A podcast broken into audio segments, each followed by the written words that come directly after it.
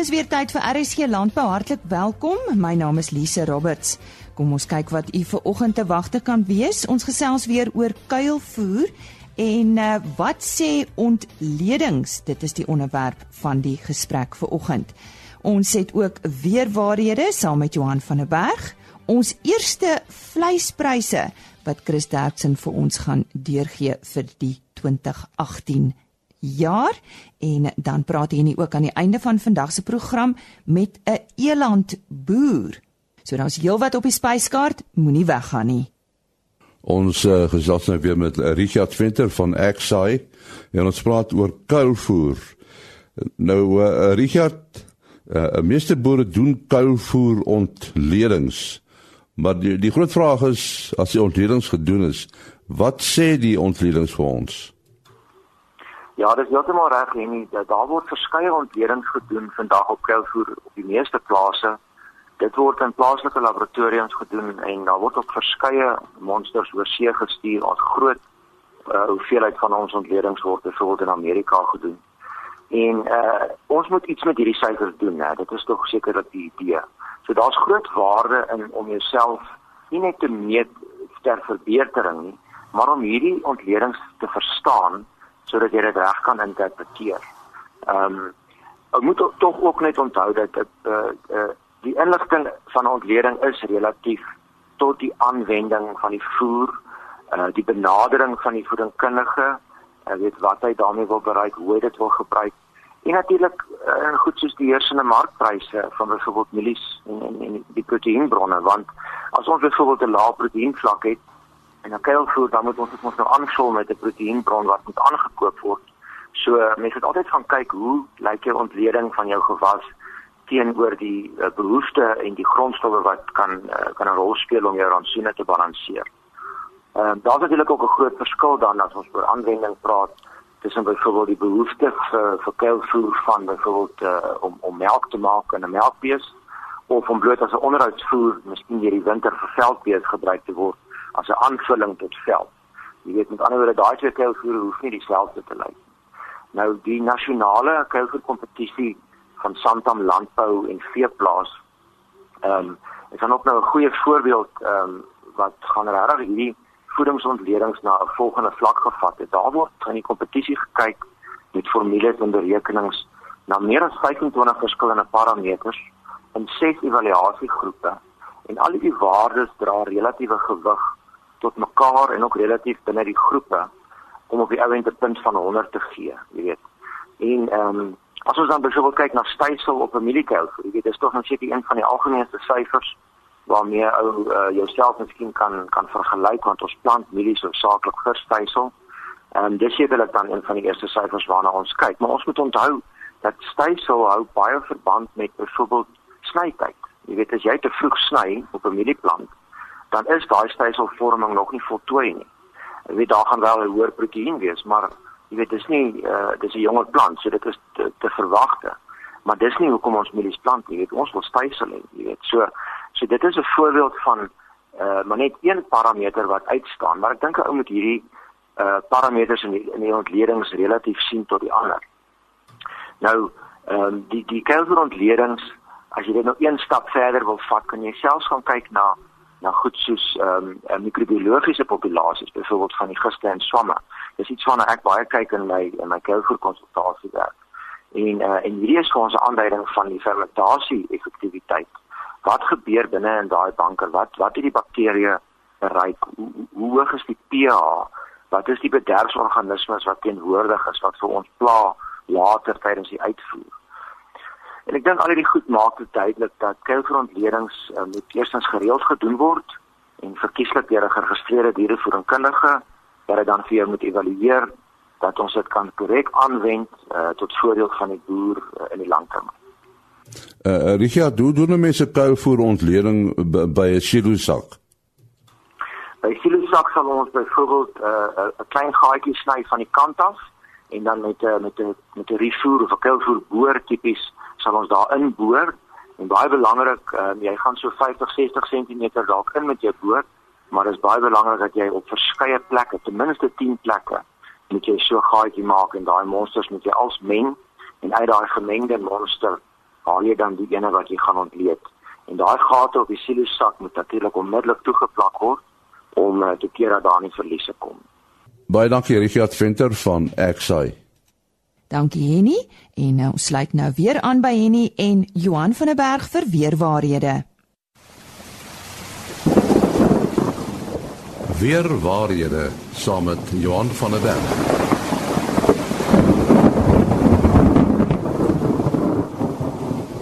Ja, dit is uh, alweer die uh, nuwe jaar en uh, soos gewoonlik op 'n donderdag hier op RSC Landbou gesels ons oor weer waarhede met uh, Johan van der Berg van Santam Landbou. Nou die uh, onderwerp waaroor hy hierdie keer gesels is uh is baie ek wil amper sê nuuswaardig en lesin dat almal weet wat hittegolwe is. Uh vertel vir ons uh, wat is 'n hittegolf presies Johan? Ja, ons praat baie maklik hier van hittegolf, maar uh in die algemeen is dit 'n periode van bo-gemiddelde temperatuur en dikwels daarmee saam ook hoë lugvog wat nie noodwendig die lugvog saam nie. Nou die Suid-Afrikaanse weerdienste se definisie van 'n hittegolf is byvoorbeeld as die maksimum temperatuur vir 'n spesifieke dorp of gebied meer as 5 grade Celsius bokant die warmste maand van die jaar se gemiddelde maksimum temperatuur is vir 3 of meer dae, dan kan dit amptelik geklassifiseer word as 'n hittegolf. Nou die Suid-Afrikaanse weerdiens het 'n kaart saamgestel uh wat uh, vir ons aandui hierdie temperatuur maksimum temperatuur drempelwaardes. So byvoorbeeld met 'n plek soos Appington uh gelyk aan of hoër as 41 grade Celsius vir 3 of meer dae agtereenvolgend wees uh, of uh, agtereenvolgend temperature kry van uh 41 grade of meer om as 'n hittegolf geklassifiseer kan word. Daarteenoor moet 'n plek soos Ermelo en Mpumalanga wat heelwat koeler is waar net 29 grade Celsius of hoër wees vir 3 of meer dae om as 'n hittegolf geklassifiseer te word. Nou interessant ander plekke se maksimum temperatuur drempelwaardes uh om dan hierdie as dit bokant hierdie temperatuur vir 3 grade 3 agtereenvolgende dae is, dan kan dit 'n hittegolf as 'n hittegolf geklassifiseer word. Byvoorbeeld Vryburg is 37 grade, Klein Willem daar in die Kaap 40 grade, Rustenburg in Noordwes 35 grade, Lichtenburg 33 grade, Hermanus 29 grade, George 30 grade. So ons sien is maar 'n 'n redelike subjektiewe uh, aanduiding want 40 grade vir 3 dae teenoor 30 grade vir 3 dae is nogal 'n redelike verskil. Maar dit is in terme van uh, die spesifieke geskiedenis van temperatuur in die omgewing. Nou daar's ander definisies ook. Die Wêreldweerkundige Organisasie het byvoorbeeld uh een definisie wat sê 5 dae agtereenvolgens waar die temperature meer as 9 grade Celsius warmer as normaal is of hulle het ook 'n ander een waar die temperatuur groter as 35 grade Celsius moet wees vir 3 of 5 dae afhangend van hoe hulle dit uh, dan definieer. Nou, wat veroorsaak dit te golwe? Dit word veroorsaak deur baie warm lug wat baie stabiel is en met min beweging. So ons kry hierdie baie windstil daar. Gewoonlik is daar 'n hoëdrukstelsel uh, wat domineer ook in die hoër luglaag van die atmosfeer en dan om dit te om hierdie toestande vir uh, om die aanvoelbare temperatuur dan te vererger is dat die wind baie stil is en daar's min of geen wolke nie. So hierdie ongemak indeks is baie hoog. Uh om dit te onderskei van bergwindtoestande, ons kry baie keer veral in die Kaap en in sekere dele bergwindtoestande waar ons hierdie baie warm droë winde kry. Nou die temperature kan ook redelik hoog wees, maar gewoonlik is dit nie baie lank nie. Dis 'n dag of 2 en uh so dit uh, vorm nie sommer ehm uh, te golftoestande nie. Nou as jy mens terugkyk in die geskiedenis dan lyk dit tog as of asof daar 'n toename in hittegolftoestande is. Uh en dit is maar as gevolg van klimaatsverandering, maar ook as gevolg van die omgewingsverander uh verandering wat plaasvind. So daar was 'n paar uitstaande warm periodes gewees uh in die geskiedenis, uh byvoorbeeld uh Rondom 27 Oktober 2015 was Vioolsdrif in die Noord-Kaap 46.9 grade Celsius. Kaapstad self was 40.3 grade Celsius en Vredendal 48.3 grade Celsius. En dan ook hier in 2016, uh die 6de en 7de Januarie was dit ook baie warm geweest en byvoorbeeld Botawil se temperatuur het gestyg tot 41.2 grade Celsius. So hierdie definisie uh is nie altyd vas nie. Ehm um, dit hang maar af van die omgewing. Uh relatief tot die omgewing, as dit baie warmer of bo-gemiddeld warm is, uh, en dan kan daar ook 'n definisie wees as dit byvoorbeeld meer as 35 grade Celsius vir 'n paar dae is, dit 'n golftoestand is. Maar die ervaring wat ons het, dis gewoonlik baie windstil daar en dit bly vir 'n paar dae. Dit kan dit kan vir 'n week tot selfs 2 weke kan hierdie hittegolftoestande duur uh voordat verandering kan plaasvind. Ja, dit is my interessant. Uh, jy het gepraat van uh omgewingsverandering. Uh, as jy mens nou kyk na 'n stuk uh veld waar dan 'n gewone veld opgroei en uh Middelland Wat se uitwerking sou dit wees op uh hitte wat opstyg? Ek het temperature gemeet toe ek nog navorsing gedoen het. Uh grondoppervlaktemperature in die somer tussen mielierye kan in die 70 grade Celsius word. En as 'n mens nou daai selle uh, gedeelte vat net langs aan waar daar gras is, uh wat nie hierdie kaal oppervlakte het nie, uh dan is temperature maksimum hier 30 31 32 grade. So as ons baie groot oppervlaktes kry uh wat kaal is en uh ons het uitgetrapte veld en ons het groot landerye wat nie geplant is nie, dan kan dit ook 'n geweldige effek hê om vir ons addisionele energie dan hier in die atmosfeer of uh, enige bedag te absorbeer uh en die omgewing te verwarm en dan kry ons ook baie keer dat die nagtemperature dan baie hoog is. Ons sê baie dankie aan Johan van der Berg van Santam Landbou. Onthou weer waarhede word elke donderdagoggend op RC Landbou uitgesaai. Vir die eerste vleisprysverslag van 2018 sluit ons nou aan by Chris Derksen en hy berig oor pryse wat behaal is by veilinge in die Noord-Vrystaat en die datum van hierdie veilinge was 9 Januarie. Dankie Chris. Dis ons eerste prysverslag vir die jaar en dit is belangrik om te ontlet dat pryse is baie sterk op die oomblik. En dan tweedens moet ons onthou die pryse wat ek gee is pryse wat per kilogram lewende gewig sodat die boer op sy eie plaas kan besluit wat sy vee werd is en kommissie word nie in ag geneem sowel as BTW nie. Die presiese pryse speenkalvers onder 200 kg R42.64 per kilogram lewendig van 200 tot 250 kg R41.49 en oor 250 kg R38.04. A klasse was daar geen B klasse R25.41 C klasse R23.66 vir vetkoeie en maarkoeie het gewissel van 19 tot R20.49 per kilogram. Slagbulle R25.16 en vanaf die skaapmark stoorlam R44.22 slaglam R38.98 stoorskape R29.45 en vetskape R28.99 per kilogram. Wanneer vir die bokmark lammers het gegaan vir R41.22 en ooe het gegaan vir R28.55 per kilogram lewendig. En as ons ooit van enige hulp kan wees, skakel maar enige tyd na 08280 75961. Baie dankie. Die stem daarvan Chris Derksen en hulle webtuiste indien jy graag weer na die pryse wil gaan kyk is www.vleisprys.co.za. Nou ons beloofde gesprek oor elande. Ons uh, gesels met Solly Potgieter en ons gaan met hom praat oor uh, oor hulle elandboerdery. Vertel ons net uh, hoe die elandboerdery ontstaan, Solly. Weet jy nie wat ek vir dit so sê, dis goed om jou te gesels. Ons het ehm um, lank gelede het ek in Elande begin belangstel en ek het gesien die behoefte vir behoorlike teeling en wild. En ons het maar gewoonlik Kaapse elande begin en daarna het ons begin spesialiseer en baie lief geword vir die Livingston elande en dit is maar hoe dit begin het. En nou, hoekom het jy nou so lief geword vir die elande? Wat wat het die ding aangeskakel?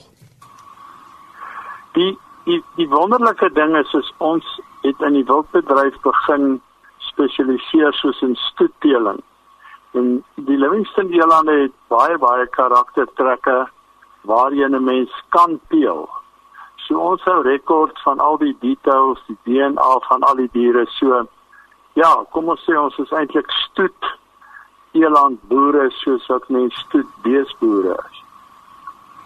En uh so mens hierdie elande uh teel om later aan vir die jagmark beskikbaar te wees of hoe werk dit presies? Ek dink beslis dat dit later aan beskikbaar wees vir die jagmark. Ek dink dit is 'n pragtige om te jag. Maar die jagter soek na sekere vereistes en uit sekere standaarde wat hy het. Uh sê horinglengte, grootte van liggaam, uh kleurskakeringe en so aan so. Ons teken uh, teel na sekere doelwitte toe, maar ek dink daar's 'n groot behoefte vir uh teelbare uh, manlike en vroulike diere die mark is nog lank nie gereed om soort van volnet Livingston te jag. Jy praat nou van Livingston, is dit die enigste soort elande wat ons in Suid-Afrika het? Nee nee, ons het uh die Kaapse eland natuurlik ook. Dit is die die grys eland, die die Livingston eland is eland wat van die Zambia area afkom wat in die wildtuin voorkom en ook in Limpopo. Ja, die eland is is 'n uh, groot uh, groot bok, né? Nee. Is dit nie die grootste bok nie? Ja, hy sê hy die grootste bok wat daar is, ja. En as jy mens nou kyk na uh, eland teelery, waarvoor teel 'n mens presies? Watter eienskappe? Ek dink ek kyk na eland boerdery dieselfde manier as wat 'n uh, beesboer na sy beeste kyk. Een van die grootste vereistes is vrugbaarheid. Dan as ons vrugbaarheid kyk en dan kyk ons na die tipiese karaktertrekke van die dier, naamlik horinglengte, kleur van vel. Daar's die eland het 'n sekere hoeveelheid strepe, hy het sekere hoeveelheid kwaste op sy stert en op sy bors en daar sekere tipiese karakters wat gekoppel is aan hierdie dier se genetika wat ons nou kyk. Nou as jy mens intensief met elande boer, uh wat maak dit nou jy so spesifiek uh as jy mens dit nou vergelyk met nie intensief? Jy weet, daar's uh, wanneer ons praat van intensief, dis nie 'n kwessie dat my elande basies in 'n kamp is soos 'n beeskraal nie. Hulle loop op omtrent 400 hektaar, maar ons uh sien hulle elke dag. Ons hanteer die diere daagliks Ons weet watter ma is deur watter bil gedek en watter kalf is watter ma se kalf. So ons doen DNA toetse op hulle sodat ons geneties kan sien of ons besig is om in die regte rigting te teel. En, en die vraag na julle diere, uh, hoe lyk dit? Ons is baie tevrede met die vraag na ons diere. Ons is almal bewus daarvan dat wildpryse het afgeneem, maar die die mark vra na goeie genetika. Ek dink dit is maar seker so dat dit in alle bedrywe is solank as mens suiwer en goed teel sal daar altyd 'n mark vir diere wees maar dit is ook so dat nie al jou diere suiwer en en goed nie so groot gedeelte word dan basies uitskot diere en hulle sal dan uiteraard in die jagmark beland dit sê manlik of vroulik Ja, ons praat nou van die jagmark. Wat van die wildvleismark? En dit is 'n totale mark wat oop lê in Suid-Afrika. As 'n mens na die gesondheidsvoordele van die verbruik van wildvleis vat en jy vat hoe min wildvleis daar in Suid-Afrika op die rakke beskikbaar is, dan is dit eintlik 'n skaamte dat ons deur wetgewing sulke reuse beperkings het sodat ons nie op die uh, rakke van die die Pick n Pays en die Spars en die Shoprite baie meer wild kan koop nie dis dis jy is heeltemal reg daar's 'n paar reuse behoefte uh dat wildvleis moet op die rakke land. Is dit nie maar 'n kwessie van dat uh dat die bemarkers van wildvleis nie nie eintlik uitkom waar hulle behoort uit te kom nie. Nee, ek dink die die kwessie gaan oor die uh gaan oor die gesondheidsregulasies wat in die land is hoe uh, wanneer jy 'n bok skiet hoe binnekort moet hy in 'n koelkamer gehou word en teen watter temperatuur en hoe hy moet afgeslag word en hoe hy moet hang. Daai regulasies is baie streng en om dit ekonomies lewensvatbaar te maak, ek dink is op die stadium die probleem. Uh, is dit nie maar dieselfde uh, met beeste slag nie? Nee, jy sien jy moet onthou dat 'n mens 'n uh, jaggebok in die veld, dis nie 'n kwessie dat jy hom in 'n voerkraal het en jy hom dan basies skiet en dan onmiddellik in 'n slagpaal het. Jy moet daardie ding laai en dan moet jy hom ry en dan moet jy hom in jou koelkamer skry en hulle wil hê jy moet hom ry in 'n koeltrok en dit is ook nie altyd so maklik nie. En ek dink dit is wat mense afsit. Maar ek dink ons skiet onsself in voet in hierdie land. Daar is duisende duisende kilogramme wildsvleis beskikbaar. As ons net bereid is om 'n bietjie ons wette te verslap. Nou as jy mens kyk na die eland en uh, vleis wat uitgeslag kan word die persentasie uh, hoe lyk dit Die persentasie is baie hoog. Ek kan nie nou vir jou presies sê nie, ek mag dalk myself weer spreek. Maar ek wil net vir jou sê dat as jy eers eenmal in jou lewe elandsvleis geëet het, dan sal jy nie weer beestevleis eet nie. En mense moet onthou dat die tipiese kosse wat beeste in voerkrale kry, kry hulle nie daar by my op die veld nie. So dis uh, wat hulle so seker graag wil noem in Engels 'n uh, vrylopend of 'n free range dier hy sê kosmeties gestimuleer om vinnig te groei en soveel kilogram per dag op te tel omdat dit die somme maak klop nie. Dis 'n dier wat uh, in die oopveld uitgeleef het en self gegroei het. Dit is van geen stimulante in hom het nie en dit is natuurlik wat ons as wildsboere sê is een van die grootste plusse uh hoekom wildsvleis op die rakke moet land. Uh die eland self is hy uh 'n grasbenutter of ook 'n blaarbenutter? Die eland hoofsaaklik is 'n grasbenutter, maar omtrent 10% van sy uh voeding wat hy het is wel blare of dan miskien boompele of sade. So mens as 'n mens elandsvleis eet, uh, 'n uh, ander ervaring kry as met ander wildsvleis. Dis 'n baie fyn uh graad van vleis. Dis 'n baie smaaklike vleis En as jy nie weet nie, sal jy so bederf voel as jy eers elandvleis geëet het. Ek dink jy kan hom baie in dieselfde klas sit as moontlik ook gemsbokvleis wat 'n mens alor dit lei van tyd tot tyd by restaurante kry. En nie wat daar gesels het met Solly Potgieter oor hulle eland boerdery. Dit is aan die einde van ons week. Onthou môreoggend om 4 voor 5 sal Chris Viljoen op sy pos wees. Ons uh, wens u 'n uh, aangename laaste paar dae van vakansie indien u nog by die huis is as gevolg van die skoolvakansie. Ja, volgende week is alles werklik terug na normaal. Mag dit met u goed gaan en geniet u naweek. Totsiens. RSG Landbou is 'n produksie van Plaas Media. Produksieregisseur Henny Maas. Aanbieding Lisa Roberts. En inhoudskoördineerder Jolandi Root.